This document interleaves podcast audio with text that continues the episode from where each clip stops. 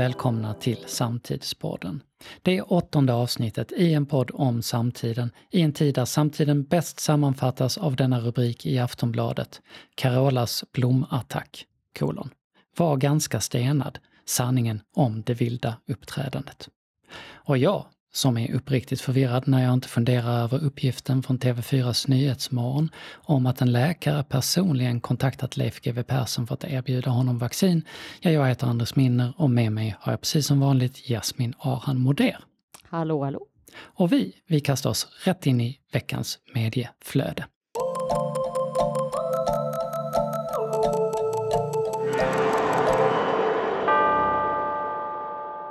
Det här är en del av podden där vi gör milkshake av veckans yoghurt. Och först ut är nyheten om att en ny sociala medier-app som just nu boomar stort i Sverige. Den handlar om Clubhouse.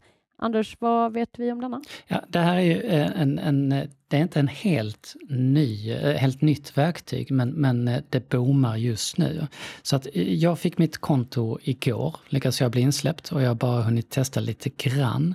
Men man kan säga att det handlar om, om röstbaserade grupprum som man sorterar efter intressen eller olika ämnen. Och då kan man som användare ansluta till de här när man vill. Man kan lyssna eller man kan delta.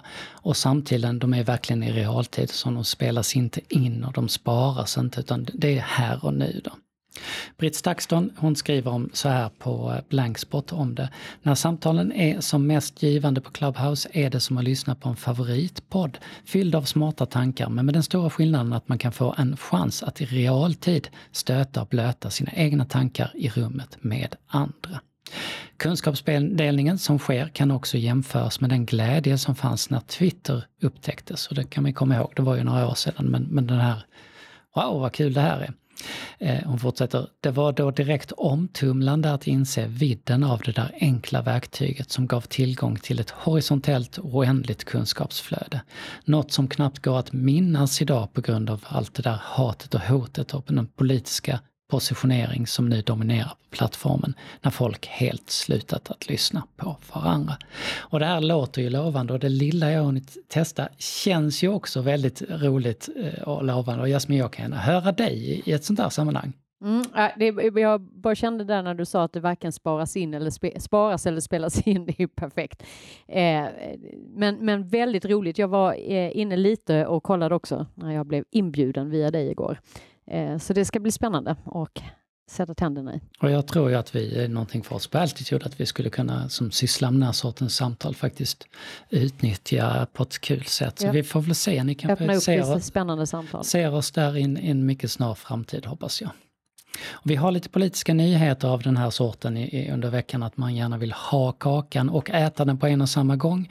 Som att Ulf Kristersson boktipsar om Margit Silbersteins bok Förintelsens barn, samma vecka som man öppet pratar om samarbete med SD, ett parti vars tidigare ledande företrädare kom från just nazistiska miljöorganisationer. Och så KD som lanserar en ny sorts feminism med hjälp av personer som säger sig vara mm, för abort men samtidigt sitter på ledande poster i abortmotståndsgrupper. Vad säger man? Orkar man ens med det? Ja, man bara suckar ju högt. Eh, återigen, detta att man kan man stå upp för någonting på riktigt eller? Eh, och de här frågorna, är ju båda frågorna är ju också, vi återkommer till dem, eh, framförallt förintelsen, är ju eh, otroligt viktigt att, att prata mer om och då kan man ju då fundera på hur kan man då eh, liksom ens fundera på samarbete med SD. Men eh, Ja. Och jag själv känner ju så att jag har egentligen inte så mycket problem med att, om man tar en fråga som abort, att folk tycker olika saker. Men man, man kunde väl önska att, att de bara var, kunde vara lite öppna med vad det är ja, men jag menar det. Och inte hålla på Stå för det då. Ja. Alltså om du nu står för det, stå för det då. Alltså det, det är ju det, kommer du ihåg första avsnittet? Eh, det är inte så att jag är någon hejare av eh, Margaret Thatcher, men eh, det här att någon har någon åsikt om någonting och kan stå för det hela vägen. Vi saknar det. Mm, ja. Vi ser det här tydligt. Jag minns första avsnittet som det var igår, Jasmin. det, var det, ja, ja. det var ju nästan igår. Ja. På miljösidan så har John Kerry, som är alltså Bidens klim, nya klimatkille, känd sedan tidigare, gått ut och sagt att eh, COP-mötet, stora klimatmötet som blev inställt nu på grund av pandemin, fram framflyttat till eh, hösten i Edinburgh. Kallar det för last chance att göra någonting. Sista chansen att, att uh, kunna Påverka. förändra situationen. Ja. Och där, det, där, vi har ju tagit upp det flera gånger och vi har ju tyvärr också sett att eh, under eh, pandemin att eh, även om vi har skrivit på eh, FNs hållbarhetsmål, alltså Agenda 2030, så står vi inte riktigt för det. På tal om att vi inte riktigt kan hålla det vi säger.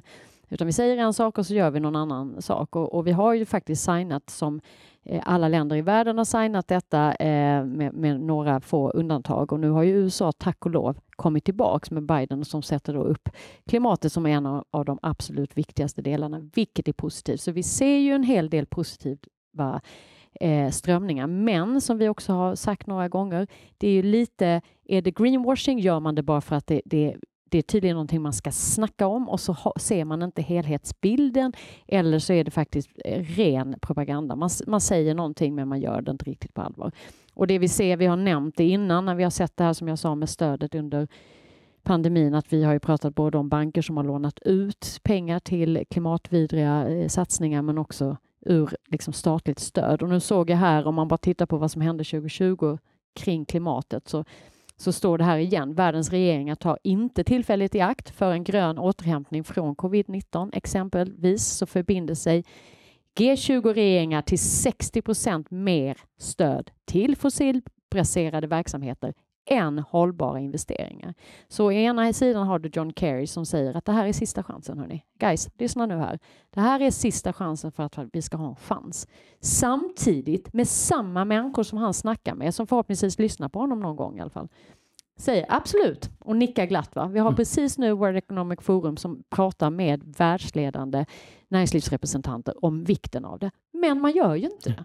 Och det ska vi försöka påverka lite, tänker jag. Mm. Och vi kommer väl få antagligen ett kvitto on, under det här året, mm. kan man säga. Någon gång under det här året får vi ett kvitto på om, om man är beredd att ta nödvändiga steg eller inte. Ja, ja. Och vi jobbar ju mycket med de här frågorna, jag vill bara säga det därför att eh, vi, vi, det kommer ju ofta upp i vår podd. Eh, och för er, av en anledning. Av en mm. anledning. Va? Och för er som lyssnar så, så jobbar vi ju eh, med de här frågorna dagligen genom eh, The Bridge som är ju ett projekt som, som just fokuserar på att hitta lösningar och, och hela tiden koppla ihop eh, smarta, smart forskning, smarta människor eh, med de riktigt, eh, riktiga så att säga, utmaningarna för att snabbt hitta lösningar. Och det kan vara byggmaterial och det kan vara utsläpp och det kan vara mobilitet och så vidare.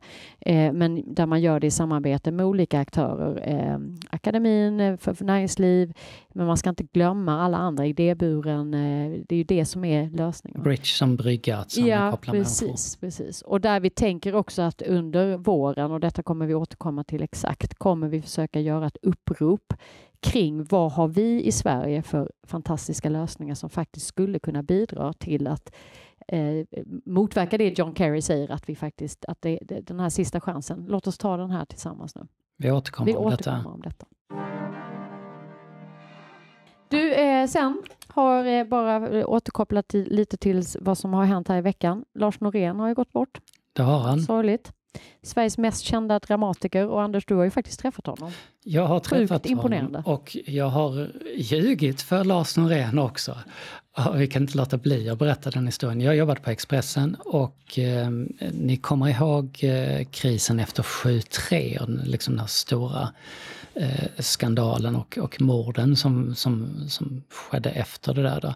Och Lars Norén pratade ju själv inte direkt om detta och alla journalister var, det var ett väldigt drev efter honom att, att han skulle uttala sig. Så det, det är några år senare, det har fortfarande varit tyst för Norén och han sätter upp en ny pjäs på Riksteatern, har jag för mig det var, som han jobbade med.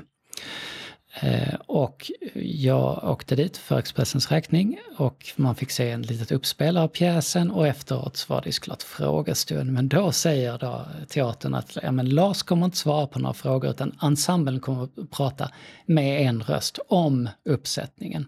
Det var ju ingen journalist där som, som ville höra ensemblen prata.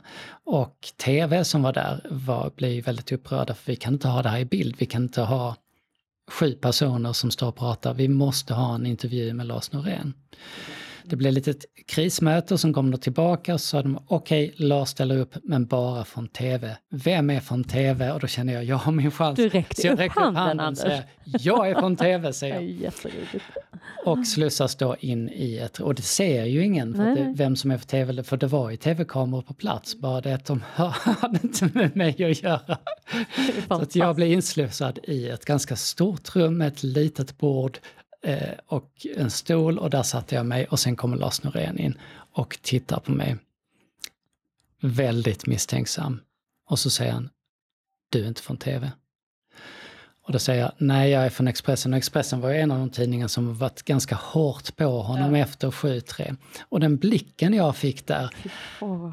det är, det är en, av de mörk, en av de mörkaste blickar som jag har fått. Men att du vågade, att du inte Det är så många frågor här Anders. Ja, Hur det, du vågade in många, the first place många. och att du vågade. Du vet man har ett uppdrag så löser ja, man det. Det, det är jo, det grunden i, i all journalistik. Men, eh, men det roliga var där att även om han, han blev jättearg, han blev jättearg, så på något sätt så var det ändå som att han ville ge mig cred för den här... Eh, Försök, eller ja. Ja. Mm. Så, så att han godkände att jag gjorde en intervju med honom. Så jag var den enda som fick Ja men det är klart lite smickrande att man vågar med honom. Ja, A for effort. Hans sådär. Eh, ilska på sig. Så, så att jag gjorde en intervju, den blev inte särskilt bra och naturligtvis ville han ju inte prata om, om, om detta ändå. Men det var eh, mitt möte med, med Lars Norén. Har du läst hans dagböcker? Nej, det har jag inte. De är stora och omfattande, sista kom ju nu i, i höstas. Du tycker om dem? Jag tycker väldigt mycket om dem. Jag, jag, och, och det här är lite, de är lite spännande i sig. De fäller in i en trend som är väldigt tidstypisk och, och litteraturvetare kallar det för autofiktion. Auto som, som mitt själv och fiktion, så att man blandar det här. Då. Har, har du hört talas om begreppet? Ja. Och, och, man gör ju fiktion av, av, vad man är med om, alltså man gör konst av vardagslivet. Lars Norén tycker jag är det bästa i, i genren. Jag gillar Lundells också. Jag tycker inte alls om Knausgård, kan inte läsa den. Uh, det myntades det här begreppet av en, en fransk författare 1977 som hette Dubrovsky. Dubrovsky. Uh, eh, och nu uh, idag kan man ju tänka så, är det inte så att hela världen håller på att bli autofiktiv? hela utvecklingen i sociala medier har ju gått åt det här hållet. Vi delar med oss, vi, gör, vi liksom slänger upp saker, gör konst av det på något sätt. Eller i alla fall omformar, gör fiktion av, av vår verk. Det är klart det är jättekonstigt om inte författare skulle göra precis samma sak som alla, alla vi gör. Och jag menar, är det någon skillnad i anspråken där på en författare som säger att ja, men det här är mitt verk, mitt jag, det jag är med om. Eller när vem som helst lägger de här life is good-bilderna om, ja, om sitt liv. Eh, det är ju hela tiden den här mixen, vad är vad egentligen? Och hur ofta skapar vi själva, ja, hur ofta skapar du autofiktion i sociala medier om ditt liv? Nu, nu lägger jag extremt lite i sociala medier. Men jag förstår precis, jag tror faktiskt att eh, eh det den där gränsen är väldigt eh, diffus nu, vad som är vad. Är det anledningen varför du lägger så lite, för att du inte vill gå in och göra sånt där? Jag lägger nog väldigt lite för att eh, jag vill, jag har ju egentligen inget, inga problem att dela med mig. Jag bjuder ju på med, kanske mig själv ganska mycket och så, men jag har liksom inget behov riktigt att berätta vad jag gör eh, i vardagen, om inte jag, det är frågor jag drivs av. Alltså jag delar ju gärna frågor kring klimatfrågor, eh, men, inkludering, integration, eh, sådana frågor kan jag ju dela och ha åsikter om. Men om alltså rena sådana här, liksom, vad jag gör eller min semesterbild eller jag lägger aldrig ut på mina Nej. barn. Men det är mer för att vill mm. de läggas ut så får de gärna göra det själva, men jag vill inte göra det. Nej. Så jag vet inte, det är nog bara någon ja inbyggt. En central bit i det här handlar ju om det rampljuset som du flyr här lite grann. Eh, så att det är lockande och kittlande med det som är eh, sant inom situationstecken. Om, om man tittar på romaner eller dagböcker. Så. Det leder ju alltid till debatt, alltid till diskussion, alltid till skandaler. Och backar vi bandet lite grann i Sverige, de stora uppmärksammade eh, Karina Rydbergs eh, Den högsta kasten som kom på 90-talet. Eh, Maja Lundgrens Myggor och tigrar. Båda de har ju en rad mediepersonligheter som figurerar i. Och Noréns då en, dramatisk, en dramatikers dagbok där liksom alla i hela teater och kultursfären får sina slängar av sleven. Men då Klaus, Knausgård också Min kamp. Eller alla de här, själv, de här uppväxtskildringarna som, som eh, Felicia Fält, Johanna Ekström och, och så vidare. Eh, jag intervjuade för några år sedan några personer som då ofrivilligt hamnat i de här verken. Det är ju en annan sida av mm, det. det eh, ungefär som man blir utlagd på, på Insta utan att ha bett om det, fast man då råkar hamna, hamna i de mest lästa böckerna. Mm. Eh, Svårt att radera det? Ja, det, var ju, det är ju en skakande upplevelse för dem. Speciellt en mamma som, som jag pratade med, som både hon och hennes barn hamnade då i Knausgårds, eh, en av hans böcker, på grund av att, att de gick på samma dagis som hans barn. Och det går, man inte, går inte att radera liksom. Den här eh, barnet som då idag är mycket äldre måste ju leva med att Knausgårds tankar om Mm. Hen. Eh, vad han tyckte om det här barnet liksom finns kvar. Ja, jag tycker det är provocerande. Inte, ja. Men dagböcker är, är ju intressanta tycker jag. Ja, Skriver du dagbok eller har du gjort det? Jag har gjort väldigt mycket. Jag gjorde väldigt mycket när jag var ung. Eh, och det är, jag önskar faktiskt att jag eh, skrev fortfarande. Eh, när man går tillbaka så är det lite roligt för vissa delar av ens ungdom är ju mer så här, jag gick upp och så åt jag frukost och sen träffade, det är ju lite mindre roligt än att liksom få del av tankar och hur man mådde och så. Eh, jag vet att jag alltid var väldigt imponerad, min mormor eh, som är 92 har alltid skrivit dagbok i, hela, i princip i hela sitt liv, liksom, med bara några rader. Jag tycker det är också superfascinerande. Jag önskar att jag hade ork att göra mer. Framförallt det här som vi upplever nu mm. i samtiden. Och på tal om sanning tycker jag det är så, om du, har du gått tillbaka och läst dina gamla dagböcker någon gång? Mm. Yes. det man skrev då, det var ju absolut sant, mm. det var så man mm. kände det. Mm. Och nu när man är äldre så kan man på något sätt foga in det med ett bredare perspektiv. Ja, ja. Och kan man se hur ensidig ens bild av att jag visste egentligen allt det här andra men mitt tunnelseende gjorde att jag bara såg ja. min lilla ja. skärva. Så att i efterhand kan man, tycker jag, få hela bilden. Det står inte där i texten men bara genom att läsa det och ha varit med om det mm. och blivit äldre. Men jag kan också uppleva att jag stundvis skrev, när jag läser lite av vissa av mina delar så bara känns det så här, skri, skriver jag det här för att någon för att jag tänker att någon annan ska tycka att det är det här jag ska tycka. Mm. Förstår du? Det var otroligt pretentiösa, liksom. Ja, men eh, mycket märkligt. Det är också Så något, hade jag inte uttryckt mig. Det är idag. också någonting man ska igenom ja, kanske. Men kanske hade men, du, när du är 80 kanske du tittar på det du hade skrivit idag med ja, ja. andra Mål, ögon. Förmodligen och bara tänkt vilken naiv idiot. Jag tycker dagböcker är superintressanta mm. faktiskt. Vi har skrivit dagböcker lika länge som vi har haft någonting. Alltså de äldsta är på mm. papyrus. Mm. Eh, vi har... Eh, vi men det är det bästa tidsdokumentet. Ja men det är det och vi vet att vi har, vi har sparat i 2000 år dagböcker mm. ungefär. I Sverige har vi inte så lång historia. Eh, först på 1800-talet så började man skriva dagböcker mm. här. Eh, egentligen, det, det beror ju på att det är inte så många som kan skriva. Nej, nej, man uppmanar då bönder och folk som äger jord att, att skildra jordbruksåret på 1800-talet. Och då får vi liksom en boom av, då skriver de här bönderna exakt hur det ser ut. Men sakta men säkert glider livet in. Det är ungefär som Lars Norén, han skriver om sitt arbete och sitt och sakta men säkert glider allt liv runt omkring. Och sen kommer vi i folkskolan på mitten av 1800-talet och då får vi såklart större bredd som kan skriva och då kommer det igång. Så inte så lång tid i, i Sverige. Eh, min favoritdagbok, för eftersom jag då grottat ner mig i detta, en kille som heter Samuel Pepys. Har du hört talas om Nej, honom? Han var ämbetsman i engelska flottan, där är på 1600-talet. Han skriver alltså 1660 till 1669. Högt upp, nära kungen, nära alla kändisar. Han hänger med Isaac Newton. Han hänger med Christopher Wren som då ritade St. Paul's Cathedral. Eh, han skriver sin dagbok på skiffer, alltså den är mm. kodad för att han ska kunna skriva exakt vad han känner och tycker. Han skriver om sina otrohetsaffärer och sina känslor för kungen och så vidare. Eh, den här upptäckts 200 år efter. Och efter ett tag lyckas man då avkoda den och få texten och då ges den ut och har blivit en dagboksklass. Oj, Men här här skriver man måste man ju genast... ögonblicksskildringar Herregud. från pesten.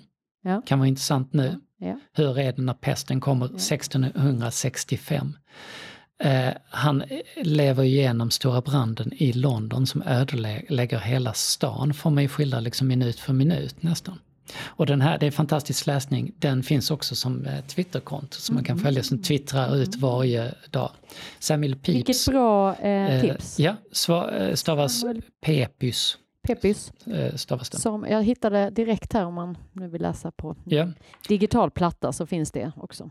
Och sen har vi såklart också eh, Anne Franks dagbok som, som man inte får, får glömma. Och då kom vi in på en annan eh, nyhet i medieflödet. Det var ett Förintelsens minnesdag, vi pratade om Kristersson just på grund av den anledningen.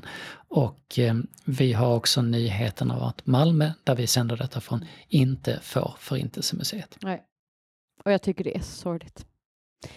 Av så många skäl. Eh, för det första så tycker jag ju att eh, den här frågan överhuvudtaget måste få mycket, mycket mer eh, uppmärksamhet eh, generellt, inte bara just i samband med årsfirande eller vad det nu kan vara, eller firande är det ju inte, men eh, eh, påminnelser. Men jag lyssnade på det, en, en ung man igår, 19-åring, vars då farföräldrar har varit med och varit flydde då. Och ja, men lite grann det han berättar. Han är ute och föreläser i skolor dagligen i princip om eh, sina farföräldrars historia eh, för att bibehålla det. Och han menar på att inte ens lärarna har förståelse längre. De har inte förståelse för omfattningen, de har inte förståelse och, och barnen har eh, sällan någon kunskap i princip alls om det. Man har inte ens förstått, ja, men har det verkligen hänt? Där är vi. Och jag pratar med mina barn, de är ju ändå liksom mellan 12 och 17 och de, de yngsta har ju inte ens tagit upp det i skolan ännu. Då pratar vi sjätte och nionde klass. Jag tycker det är skandal. Jag vet inte riktigt vad som händer där. Och kopplar man dessutom det till liksom det här att det skulle få ligga i Malmö och att man nu har valt att lägga det i Stockholm istället. Jag tycker det är synd av så många skäl. Dels så har vi en historia här nere både med Landskrona och Malmö. Eh, och där kan man ju säkert, jag, jag läste en ledare att man kanske i Skåne måste eh, bli bättre på att samarbeta och verka, visa styrkan och kanske till och med kopplingen till Köpenhamn och visa att detta är en, en bra plats att lägga ett sånt här. Men vi vet ju själva också hur mycket problem vi har haft i Malmö kring denna frågan. Alltså det hade varit en, en, eh, en markering och en, en eh, uppmärksamhet som hade behövts. Och ska vi vara ärliga, argumentet att fler skulle ta sig till Stockholm. Vi har lärt oss nu i åtta månader att det går att göra väldigt bra digitalt. Va? Så den känner jag haltar, nummer ett. Nummer två, så kan jag känna att ja, men är det så, så är det kanske så att vi måste ha, om denna frågan är så viktig så kanske den måste finnas på flera platser. Då. Mm. Och då får vi väl eh, mobilisera i Skåne och göra ett eget museum och skita i Stockholm. Faktiskt. Jag tänker ju två saker. Dels det du tar upp, att vi har en historia här nere som är problematisk. Kommer ihåg eh, Obama skickade ju sitt särskilda sändebud till Malmö för Ja. att fråga Ilmar Reepalu, Vad håller ni på Mm. med Mm. här nere? Mm. Så det är ju ingen som har tagit tag i de här eh, sakerna, vilket är, är ju... Eh, in- att man gör detta överhuvudtaget är ju väldigt bra, en väldigt bra signal. Liksom. Eh, blir jag väldigt glad för. Men jag känner precis som du, om man, om man inte får det här så naturligtvis, okej, vad gör vi istället? Och vem kan, vem kan vara med och, och jobba med det? Eh, för att någonting måste Ja men göras. absolut. Det andra är ju att jag tycker inte argumentet håller heller, att varför man lägger det i Stockholm. Eh, om man går till de här skolorna där problematiken finns självlysande med antisemitism i, bland unga, som en del av liksom var, var, vilken värld man, man lever i och där, där antisemitismen kan frodas. De skolorna kommer inte ha råd att åka till Stockholm. Nej, nej. Alltså, Nej. de kommer inte åka hit där vi sitter ens i Malmö. De kommer inte komma utanför sitt område i, i, i, i, i stan. Ja, men det är så... eh, Jag vet inte riktigt, det är en naiv för, alltså att, att ja, men skolor åker, alltså generellt åker ju inte skolor så ofta. Alltså vi har ju inte råd, de får ju knappt eh, åka på studiebesök inom stan. Så man kan känna att alltså, den bilden av sam samhället ser inte ut så. Det är just därför den här problematiken uppstår. Men jag tänker så här, eh, eh, nu, nu är det som det är. Då får man ju bara verka efter det läget och då kastar vi ut en, en, eh, en inbjudan att är det andra som tycker att vi ska göra någonting i Malmö Skåne tillsammans så låt oss göra det. Eh, oavsett om, om man är myndighet eller stat eller eh, eh, eh företag eller privatperson.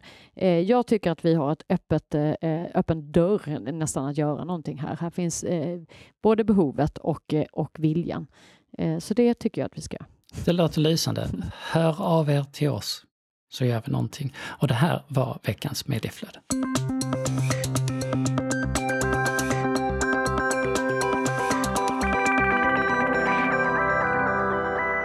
Och formandet av fiktion av vardagen, det ligger ju väldigt nära marknadsföring och reklam. Det är därför vi har haft den här influencervågen som jag är, själv är sjukt skeptisk till. Eh, men som ändå passar väldigt bra in i det vi pratade om från början med dagböcker, autofiktioner. Och vi som ju pratar mycket hållbarhet, vi kom in på en väldigt intressant sak när, när vi pratade om marknadsföring för, för ett tag sedan och kommunikation om hållbarhetsfrågor. Nämligen att det är så få som lyckas att förmedla information på ett bra sätt om hållbarhetsfrågor. Eh, Nästan är det så att, att de som gör det bäst, det är företag som vill eh, tjäna pengar på att marknadsföra sina produkter som då är gröna på något mm. sätt. Mm. Vad tänker du Jasmin? Nej, men jag tänker att eh, kunskapen är för grund eh, hos så många. Eh, jag vet att jag hade en liten naiv förhoppning för, förhoppning för några år sedan när vi började jobba med de här frågorna att till exempel modeindustrin och framförallt de byråerna som jobbar med dem skulle kunna öka upp eh, informationen om hur man som konsument kan, kan agera.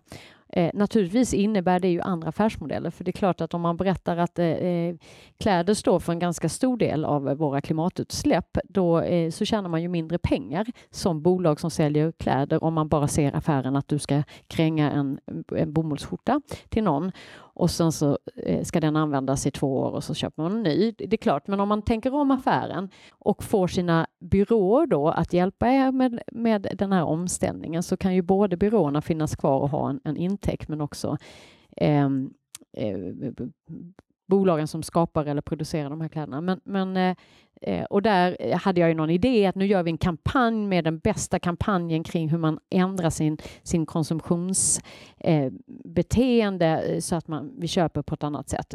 Men jag fick inte riktigt ihop den där idén.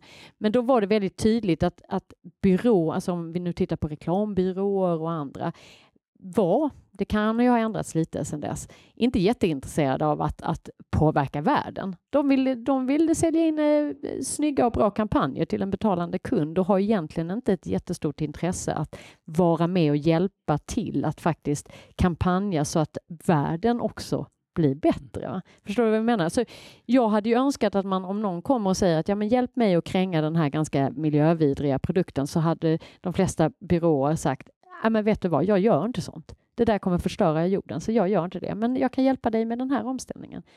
Och då är det ju en kombination mellan att man kanske, som vi pratade om sist, att, att man går lite för mycket, och detta gäller inte bara reklambyråer och andra, utan detta gäller ju i stort, att man kanske lite har den tendensen att gå dit de snabba pengarna är och man ser inte det långsiktiga om man inte har de här större visionerna. Mm. Jag eh, tänker också att, kunskapen att, behövs. Att all eh, kreativitet när det gäller formgivning eller idéer eller kampanjer eller språk eller sådär, det fästs ju i eh, någon slags kultur. Alltså ditt ingångsvärde kommer påverka outputen mm. i det du skapar. Mm. Och det är därför som många kampanjer mot en, en bredare företagsvärld ser ganska lika ut. Du har ett formspråk, du har färger som är, om man tänker de här blåa, mörkblåa, ljusblåa färgerna som signalerar väldigt mycket business eller pengar på något sätt. Och du har lekfulla färger som signalerar någonting annat som rör barn eller unga eller, eller sådär. Samma sätt gäller det ju när det gäller information och kunskap. Att har du inget ingångsvärde där du har en egen drivkraft, kring att förmedla någonting. Jag, jag vill verkligen och jag är glad att jag fått en kund där som också vill. Har du inte något eget så kommer det bara svara mot vad som finns i den världen normalt. Och då kommer vi inte på så många kreativa lösningar. Nej. Och då når man ju inte hela vägen heller med... Alltså... Och det är kanske därför som jag känner när jag tittar på det här området, om jag funderar, vad har verkligen fastnat hos mig? Mm. Som, jag, eh, som sitter kvar.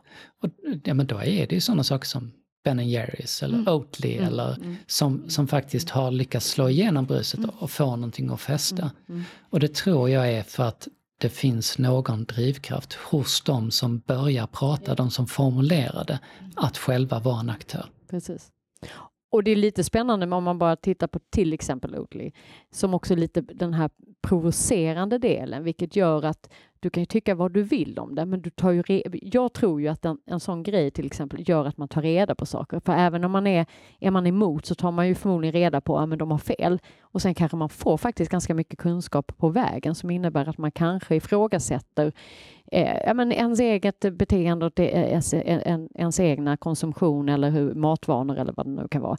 Eh, och det tror jag att, att liksom, jobbar man med de här frågorna så måste man tillbaka till det vi sa inledningsvis, se helheten och försöka koppla ihop liksom påverkansmöjligheterna på så många delar. Eller och vi kan ju se om vi kan återkomma till det här och eh, hitta några kampanjer som faktiskt är fungerande. Och sitter du och lyssnar just nu och tänker att men jag gör ju sådana här som är väldigt fungerande, skicka gärna dem till oss så kanske vi kan ta upp dem som exempel. För det här, det, kommunikation är intressant när det gäller kunskap. Och därmed är det dags för veckans Men hallå!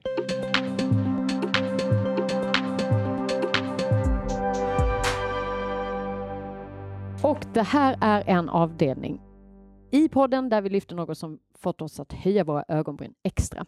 Och här handlar det om filibustern, en röstningsregel från den amerikanska senaten eh, som gör det möjligt att fortsätta prata så länge man vill, bara för att förhala ett beslut som ska tas. Och det, här, vill jag ha. Ja, det här hade inte varit några som helst problem för dig. Perfekt ju! Kan vi ha den på våra måndagsmöten? Ja, du har redan den regeln. Eh, Okej, okay, jag tar tillbaka, på, vi kanske inte behöver den. möten. Men, men man kan säga det från två håll. Antingen kan man se det som en helt sjuk regel som, som ofta då används för att stoppa eh, demokratiska reformer har det ju varit. Eh, det finns kändaste exemplet, det är en senator som heter Strom Thurmond 1957. Han pratade i över ett dygn i sträck alltså.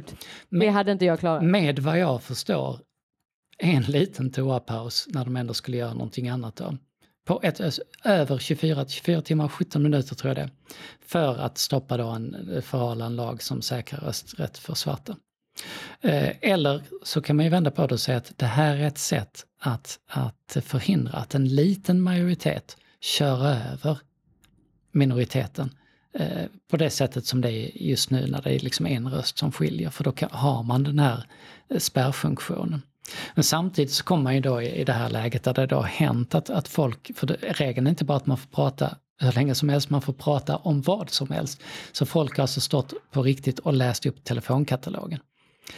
Och det, det känns ju inte, det känns ju inte värdigt. Va? Nej, det är inte värdigt.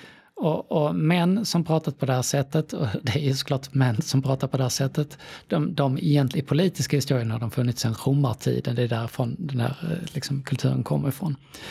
Det finns faktiskt en topplista från USA. Furman leder. På fjärde plats så hittar vi Ted Cruz som vi känner igen från, från eh, senaste dag, veckornas medieflöde som pratade i 21 timmar för några år sedan. Och sen kan man ju då addera, det här är bara personer. Det har ju hänt då, till exempel Civil Act som kom några år efter när Furmans, där eh, tror jag att man pratade i 83 dygn tillsammans, alltså fler, att man växlade om. Och jag vet inte vad vi ska säga om det här. Vi ska försöka att inte filibustra i den här podden Nej, i alla fall. Eller någon annanstans kanske. Helt. Eller någon annanstans. Mm. Där, där går någon gräns. Där någon, och där, därför säger vi att det här, det, det var allt för oss idag. Det är fredagen den 29 januari och den här dagen, 1845, så publiceras Edgar Allan Poes första bok The Raven. 1916 som bombas Paris av tyska zeppelinare, sedan under första världskriget, se den bilden framför er. Eh, 1959 hålls den första Melodifestivalen i Stockholm. just som ett europeiskt projekt som Tyskland har eh, flaggat upp för och föreslagit. För att efter andra världskriget så är det inte så kul att vara tysk och om man pratar om enighet så är kultur någonting som kan, underhållning någonting som kan ena. Så Tyskland säger uh, Let's be friends, we can uh, have a competition in, in songs. Och då skapas Melodifestivalen. 1959, den första i Stockholm. 1977 har Rötter premiär på amerikansk tv. Såg du Rötter, Jasmin? Absolut. Gjorde mycket starkt intryck på mig när jag såg den. Och 1980 så börjar Rubiks kub att säljas. Och en sån gissar jag att du hade. Har. Mm. Mm. Kan du använda den? Jag kan eh, eh några, kanske jag tror att jag har kommit upp i två hela sidor. Mm. Jag fattar inte hur man får till det där. Men det är en annan sak. Jag tycker det fortfarande är sjukt kul. Jag gick i femman eller sexan.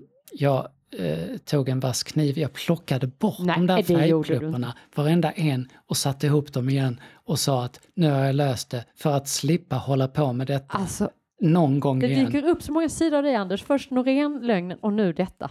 Eller hur? Vi får prata om detta. Vi får prata om detta. Det här var allt för oss. Du har lyssnat på Samtidspodden med mig Anders Minner och med Jasmin Aran Modé. Samtidspodden produceras av Altitude Meetings och vi ses igen om en vecka. Tills dess, ta det lugnt, tvätta händerna, håll ett avstånd. Vi ses. Hej då! Ha det bra!